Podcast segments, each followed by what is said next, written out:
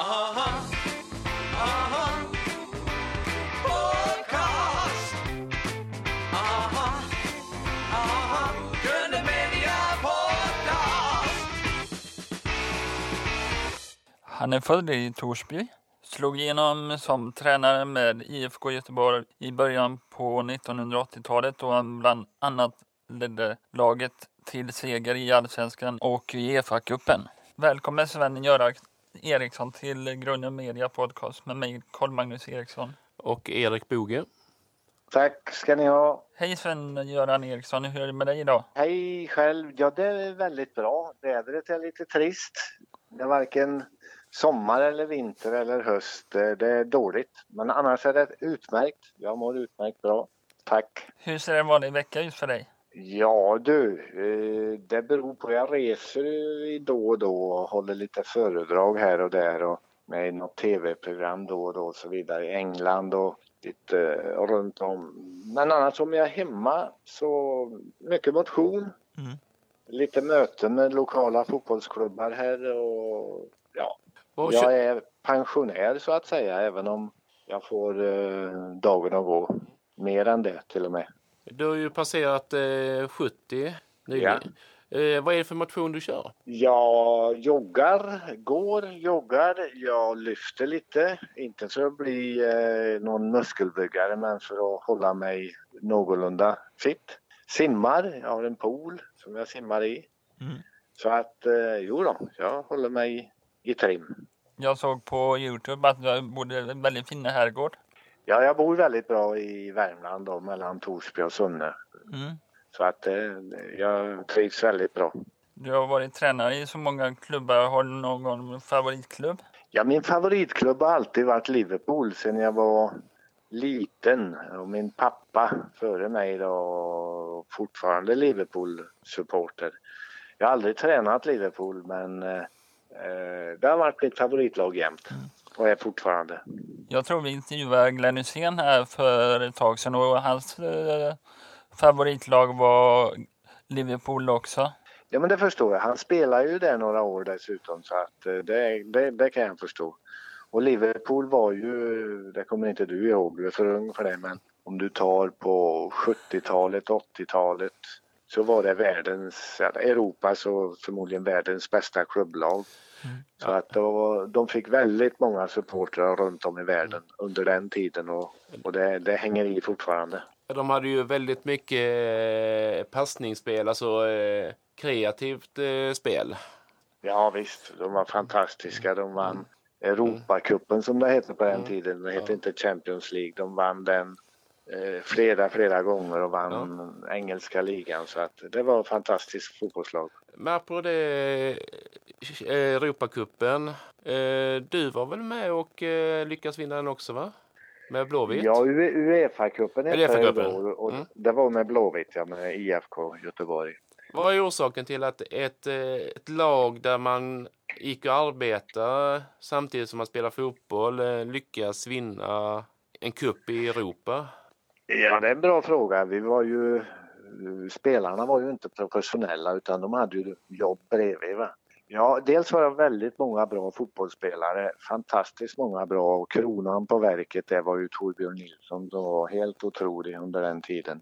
Dessutom så hade vi ett, ett sätt att spela fotboll på som var väldigt aggressivt så att lag i speciellt Sydeuropa de var inte vana en sån stil så vi tog eh, många vinster tack vare det. Vi intervjuade Glenn Hysén i sommar och han eh, talade väldigt fint om tiden när du byggde upp Blåvitt. Vad är dina minnen från den tiden? Ja, det är bara fina minnen. Eh, Dels ett helt gäng med fantastiskt bra fotbollsspelare och fina killar som jobbade stenhårt, tränade väldigt hårt för varann, hjälpte varann. Ett väldigt sammansvetsat lag. Och vi överraskade ju gång på gång ute i Europa och slog jättestora lag som Valencia, Kaiserslautern, Hamburg och allt vad de hette. Så att eh, det var eh, fantastisk tid för, för mig som tränare och jag tror det var för alla spelare också. Ja, alltså, eh, men det här med hyssen och det i omklädningsrummet, var du med? Eller det gjorde de det bakom, eh, utanför din syn så att säga? Det var nog bakom min rygg du, men Ja, lite grann som när jag- pappa, jag- pappa har fick reda lämnat. På det och, jag fick reda på det och hörde talas om det. Och pappa till allt det där, det var nog väldigt mycket Glenn Hysén tror jag. Det var en spjuver vet du.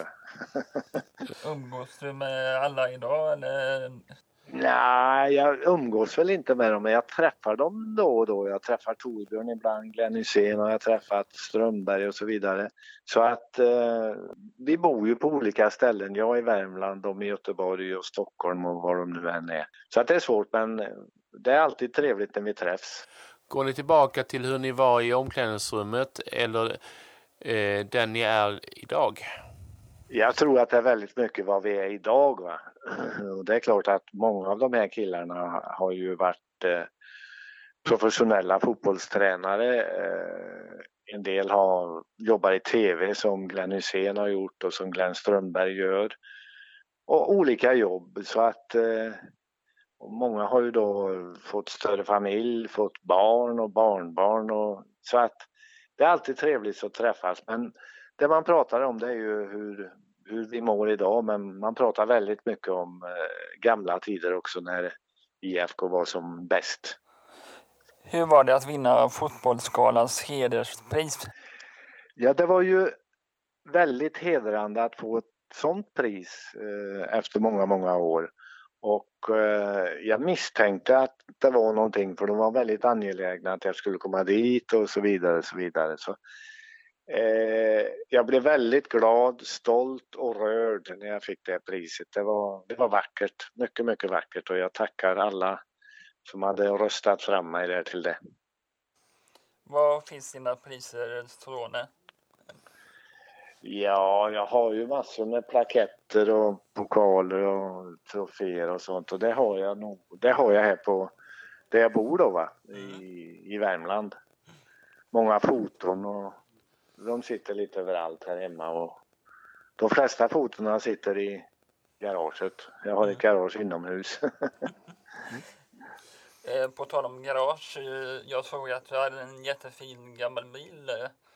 Ja, ja jag, jag kom över den för många, många år sedan. Det är en gammal T-Ford från 1930 någon gång tror jag den är. Ja, Så den är en raritet och den fungerar dessutom. alltså, Jag kan inte köra den men jag har en vän här som jobbar här då och då Ja. som kan köra den. För det är ingen vanliga växelspakar och gaspedal och broms och så vidare. Utan det, det, ja, jag kan inte det i alla fall. Men den fungerar och det är en vacker sak. samlar du på något mer än bilar eller? Nej, jag samlar inte. Jag samlar inte på bilar heller. Jag har bara den. Eh, nej, jag samlar väl inte på någonting. Vad jag köper mycket det är böcker. Jag läser, jag läser ganska mycket. Men du läser eh, fysiska böcker då och inte ljudböcker? Nej, någon gång när jag kör bil då kan jag lyssna på någon ljudbok. Men framförallt så läser jag fysiskt, ja. Vad är det för typ av böcker som eh, du läser? Ja, eh, biografier tycker jag om. Sen tycker jag om såna här historiska eh, romaner från, ja, Jan Guillou, Ken Follett och sånt här. Ja, jag läser lite av varje, men historia, biografier framför allt. Och så givetvis idrott, Mm. fotboll då. Är det någon biografi som har överraskat dig positivt? Ja, det är ju många när man läser om de här stora männen så blir man ju överraskad jämt hur stora de egentligen är. Va? Nelson Mandela har jag läst, eh, Winston Churchill har jag läst, nu läser jag Leonardo da Vinci, levde på 1400-talet och, var på väg att konstruera både bil och helikopter. Så att eh, jo, det man blir, man blir eh, förvånad och man läser alltid något nytt. Har du läst Zlatans bok som är skriven av David Lagercrantz? Jag har den och jag har skummat igenom den. Jag har inte läst till pärm, men jag har den här Mm. någonstans i, i bokhyllorna. En annan eh, grej. Eh, Tord Grip har ju varit med dig under många år säger jag. Ja, det har han varit. Ja. Vad har han betytt för dig? Jag tål, jag hade honom för länge, länge sedan som tränare när jag spelade i ett lag som heter KB Karlskoga som då var på den tiden superettan. Där var han spelande tränare och det var så jag lärde känna honom. Och han öppnade ögonen för mig på ett helt nytt sätt att träna fotboll på. Man tränade mycket taktik och sådana saker. Sen så blev jag hans biträdande tränare i Degerfors så småningom och så vidare. Sen blev han min biträdande. Så han har betytt allt skulle jag vilja påstå för mig när det gäller fotboll. Jag lärde mig otroligt mycket av honom. Och än idag så är vi, eh, pratar vi fotboll och eh, vi är vänner och har varit vänner i ja, många, många, många år. Stor fotbollstränare, duktig professionellt och en fantastiskt fin människa. Du har ju varit med under eh, rätt många decennier nu i fotbollen. Hur har spelet förändrats? Ja, spelet har, blir ju för varje år som går snabbare och snabbare. Spelarna blir snabbare, bollen flyttas snabbare. Det är väldigt mycket ett och två tillslag idag, få tillslag så att säga. Dessutom så finns det mindre och mindre Förr i tiden så var ju en mittback, det var en mittback. Han var stor, han var stark och han kunde nicka, han kunde slå bort bollen. Men en mittback idag måste kunna spela bra fotboll också, passningsspelare och så vidare.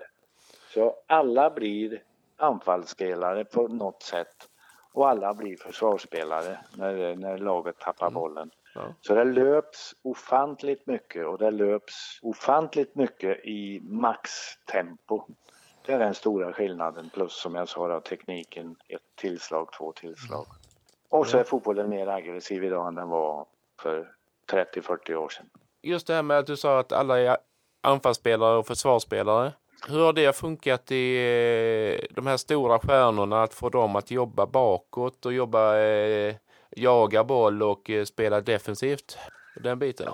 T- Tittar man på fotboll för långt, långt tillbaks, säg 30-40 år sedan, så var ju en center, han var en center och han försvarade egentligen inte. Och en mittback, han var en mittback och han anföll egentligen inte.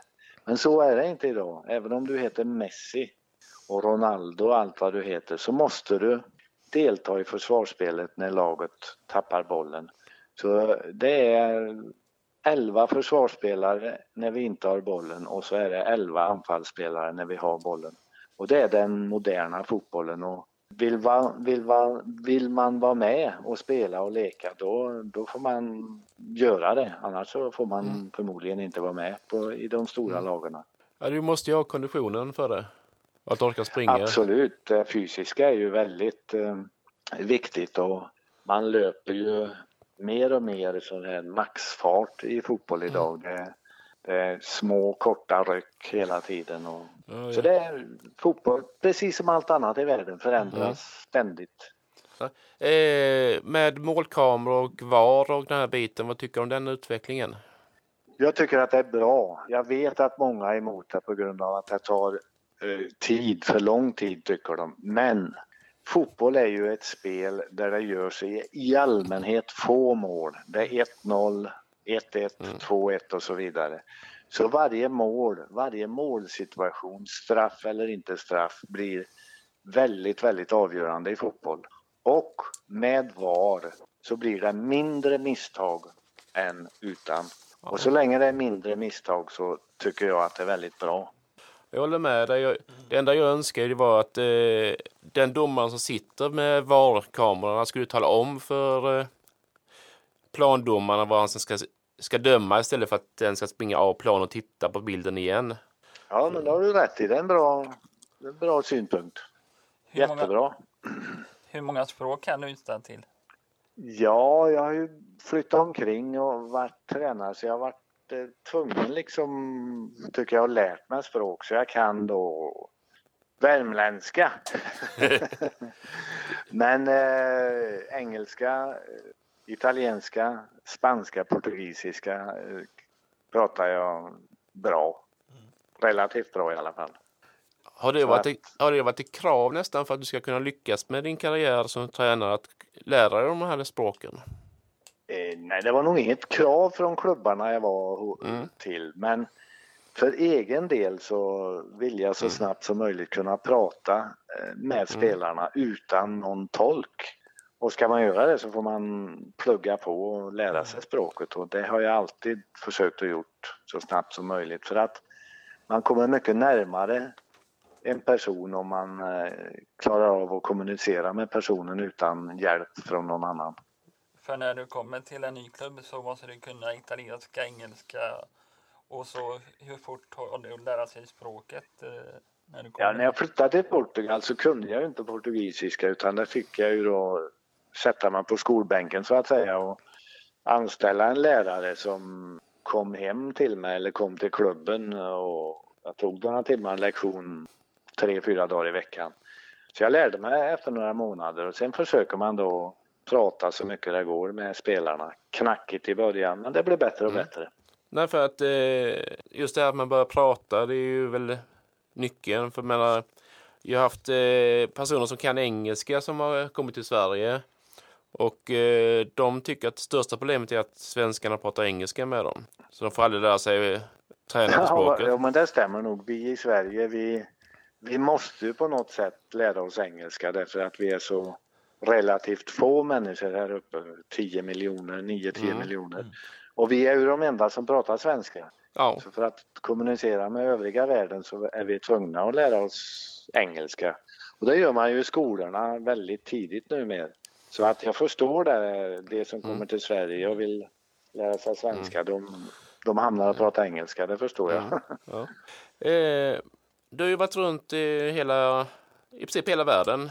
Det är väl bara Nordamerika du inte har varit i. Vad skiljer kulturerna i de här? För du har ju varit eh, tränare för England, Mexiko, Elfenbenskusten och Filippinerna som landslagstränare. Ja, eh, det är klart att det skiljer i, i kulturer. Men när det gäller mitt jobb så är det väldigt mycket detsamma. Vart man än flyttar. Det är en fotbollsplan, den är grön i allmänhet.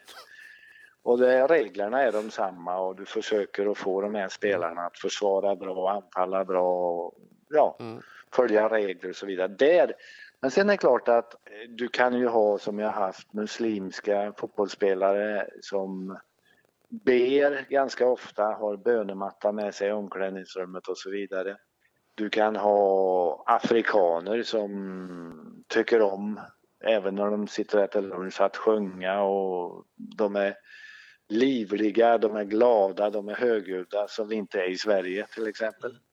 Men det viktiga för mig har alltid varit att vart jag än har flyttat så har jag inte försökt att göra om till exempel kineser eller afrikaner till svenskar. Utan man måste lära sig och acceptera det landet och den kultur man kommer till. Man ska inte åka dit och göra om folk utan man ska åka dit och anpassa sig. Och sen givetvis när det gäller själva fotbollsbiten så vill jag att vi spelar på ett visst sätt. Men det har egentligen inte med kultur att göra utan det är, det är mer jobbet på plan.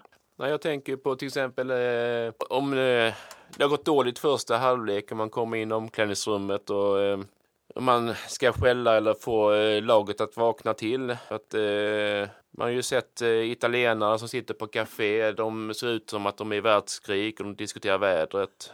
Och en svensk, och en svensk som är skitsur. Han sä- sätter näven i fickan och säger ingenting.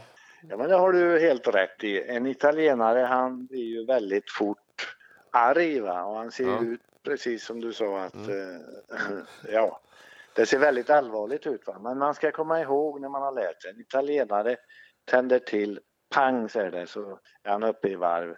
Men efter en minut så är han lugn igen. Det är liksom att eh, någonting måste ur honom snabbt och så är vi inte i Sverige och definitivt inte i Värmland. Här är vi cool och visar väldigt sällan vad vi tycker och känner och så vidare. Mm.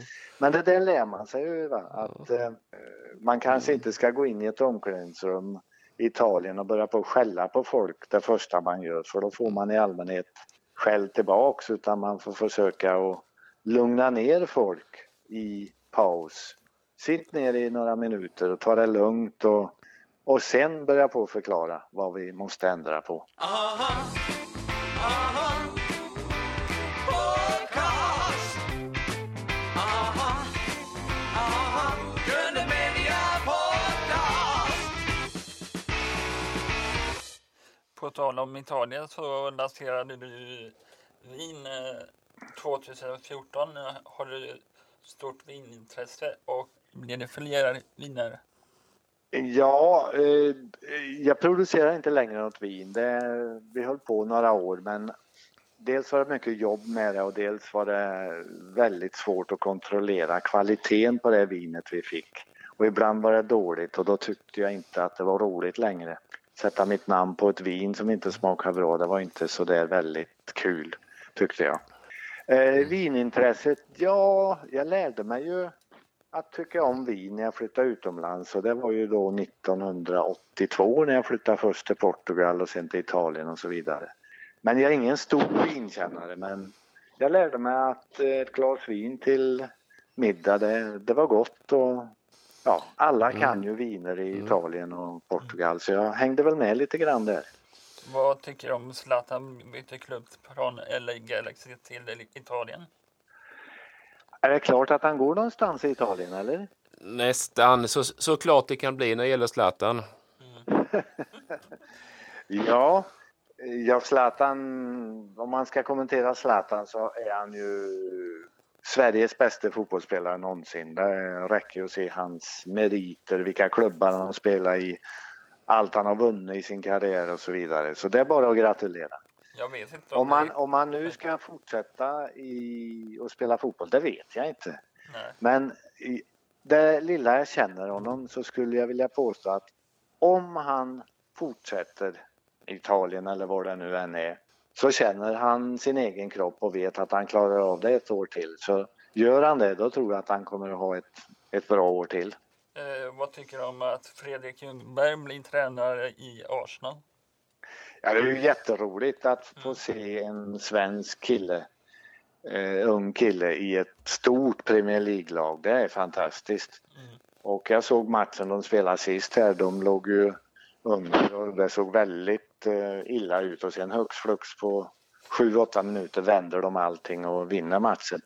Det var jag jätteglad för och det, jag hoppas att han får behålla jobbet och hoppas att det går bra för honom.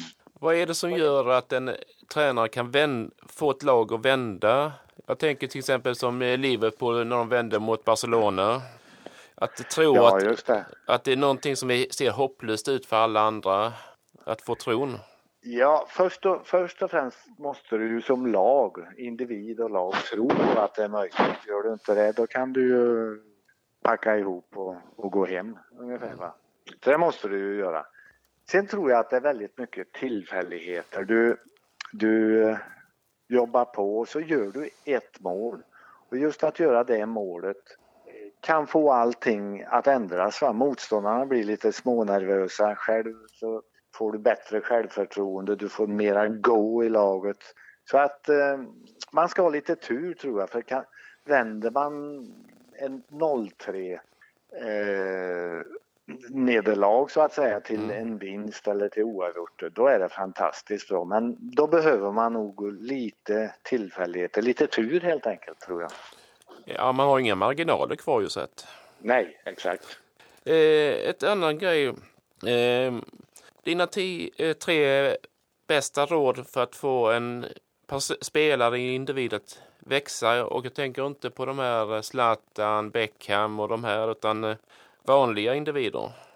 Eh, ja, som allting här i livet, om du vill bli bra, säg fotbollsspelare, så måste du träna. Och ju mer du tränar, desto bättre blir du. Så enkelt är det. Och det gäller även om du ska lära dig att spela piano eller om du ska lära dig vad du än ska lära dig. Om du inte tränar på det, övar på det, då blir du inte bra. Det är det första. Mm. Eh, du måste vara, tror jag, intresserad av det du gör. Om du ska försöka lära något, någonting som du inte är intresserad av, då, då, då tror jag inte det fungerar alls. Eh, sen när det gäller fotboll eh, så är ju det ett lagspel. Och då är det väldigt viktigt att du, du uppträder som man ska göra i ett lag. Det finns ju regler skrivna och icke skrivna att du, du ska ta hänsyn till de andra i laget och även motståndarna givetvis. Och du ska försöka hjälpa dina lagkamrater på plan och utanför plan och så vidare. För att det är du själv tillsammans med alla andra som skapar bra stämning i laget. Och tro inte att det är andra som skapar det. Du måste hjälpa till för det, eh, för att stämningen ska bli god. Eh, stämmer det att du har ätit middag med drottningen? Det stämmer bra det. inte middag, det var lunch. lunch. I Buckingham Palace. Det var väldigt eh, trevligt. Vi var inbjudna då givetvis. Någon från näringslivet, någon var författare, någon var seglare och jag är fotboll. Så vi var väl kanske sju, åtta personer. Och så var det då drottningen och hennes man Mm. plus tre, fyra hundar som sprang runt eh, under bordet. Vackra hundar. Så att det var, det var trevligt. Det var ju en upplevelse givetvis. Vad åt ni för middag? Ja, det kommer jag inte ihåg du, men det var, det var förrätt och efterrätt och förrätt, varmrätt, efterrätt och sen var det kaffe i en annan salong. Var det det, var, eh, ja, Var- en, en, en mycket trevlig erfarenhet. Var det öl eller vin till maten? Nej, öl såg jag inget, utan det var vin till maten. Ett glas vin var det. Är det okej i England att eh, man kör eh, vin och inte öl? Ja, går man på puben kanske det är öl, men liksom drottningen tror jag inte går på puben så ofta. så att Ja. eh, hemma hos henne är det nog mer vin som Ja. gäller, speciellt om hon bjuder på, på lunch. Vad lyssnar du på för musik just nu? Ja, Jag är ingen sån där jättestor musikälskare men eh, när jag lyssnar så, och det är framförallt i bilen då va, kan man ju lyssna på en ljudbok eller P1 Nyheter som jag ofta lyssnar på, P4. Eh, så är det musik och min ålder så tyckte jag ju om Sven-Ingvars givetvis, värmländskt band. Eh, Elton John, Rod Oh. Stewart, eh, The Queen. Massor med musik som jag tycker om att lyssna på. Men sen jag kan inte så mycket men ja, jag kan tala om om jag tycker om det eller inte. Musik är väl som vin, man kan njuta av det utan Ja. att analysera det. Ja, exakt. Det, det sa du bra. Det stämmer på mig. Det är för mig med. Ja. Bra musiksmak du har. Ja, ja tack du. Tack. Jag tänkte på en annan grej du sa angående stämningen i laget och det. I ishockey har man ju att eh, man får böta om man eh, bryter mot de interna reglerna i omklädningsrummet. Och det är ju ofta spelarna själva som eh, håller i det. Är det samma sak inom fotbollen? Väldigt mycket ja.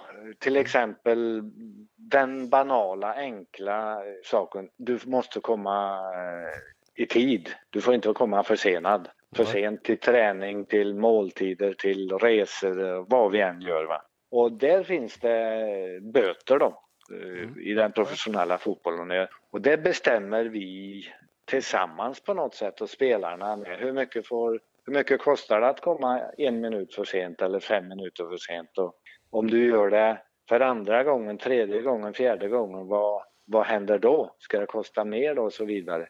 Så det kommer man i allmänhet överens om och eh, då är det ju på det sättet att om någon då kommer någon minut för sent så vet ju alla spelare, vi står och väntar där på att träningen ska dra igång, då vet vi ju alla att nu får han betala.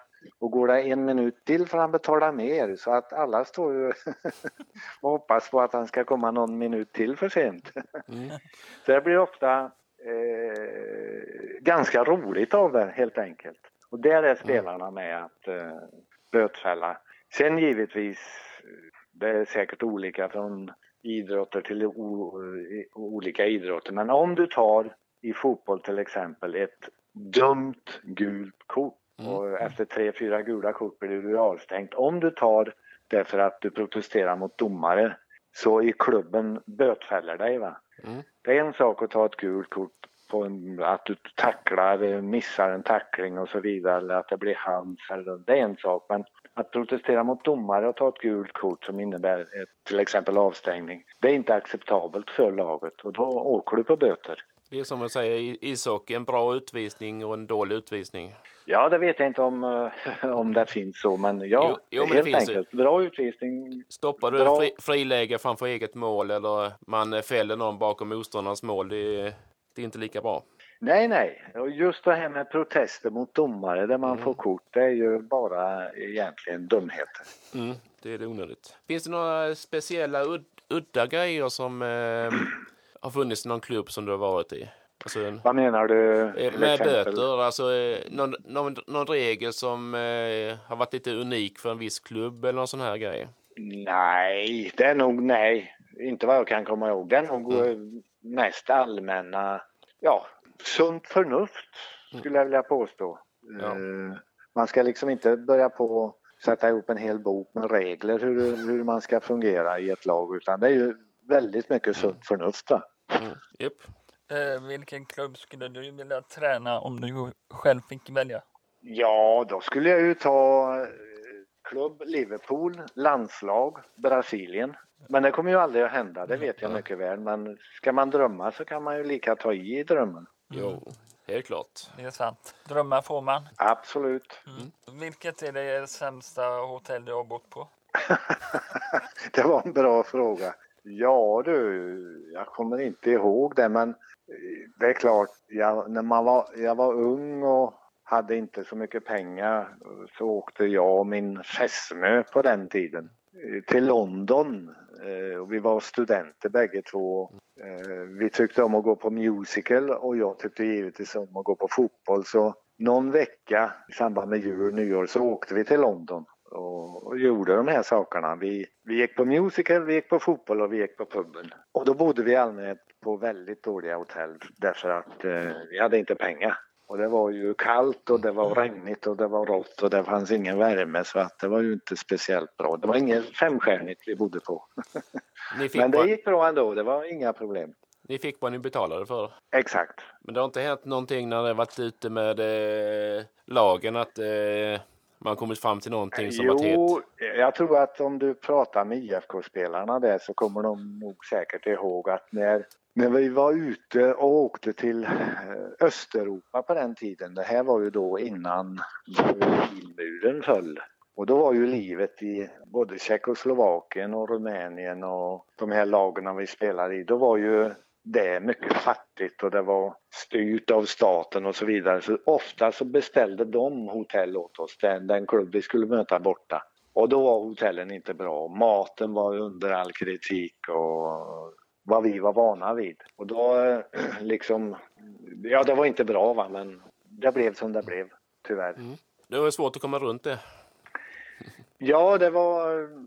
Man kände sig i de länderna helt maktlösa. Liksom. Man eh, kunde liksom inte protestera eller ta något annat hotell för man kunde inte röra sig fritt och så vidare. Så att, men det var, det var upplevelse det med. Så att efter ett tag vande man sig vid att nu ska vi dit till det här landet och vet vi att då är det annan standard på hotell och mat och så vidare. Har du någon gång blivit eh, starstruck?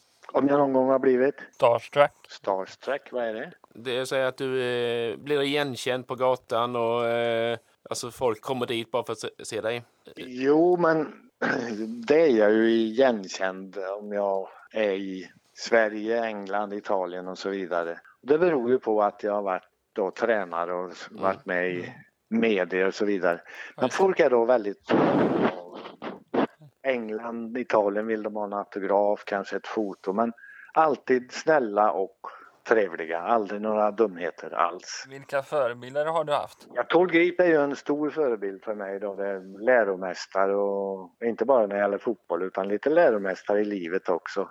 Sen har jag många stora män som jag har sett upp till och ser fortfarande upp till som jag har träffat då, Nelson Mandela till exempel. Och eh, läser man vad han gick igenom och han släpptes ur fängelse efter många, många år han har suttit där och inte var bitter utan förlät folk och uträttade jättestora saker för mänskligheten. Då blir man ju, ja, jag ser upp till sådana människor, absolut. Det krävs ju eh, en väldigt stor personlighet för att kunna släppa en sån orättvisa som han utsattes för.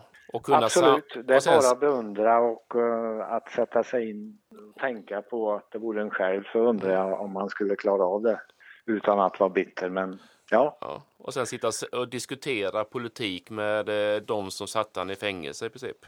ja, exakt. Vad har du för framtida planer?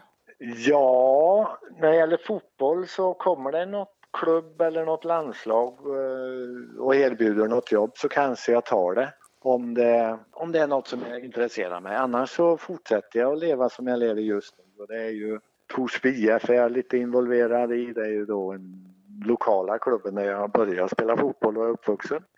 Plus att jag håller lite föredrag och åker runt lite, tittar på fotboll. Och... Men den stora målsättningen det är ju att få vara frisk så länge som möjligt. Så att man fungerar som människa och kan vakna varje morgon och titta sig i spegeln och tycka att man mår bra. Vilket eh, fotbollslag håller du på då?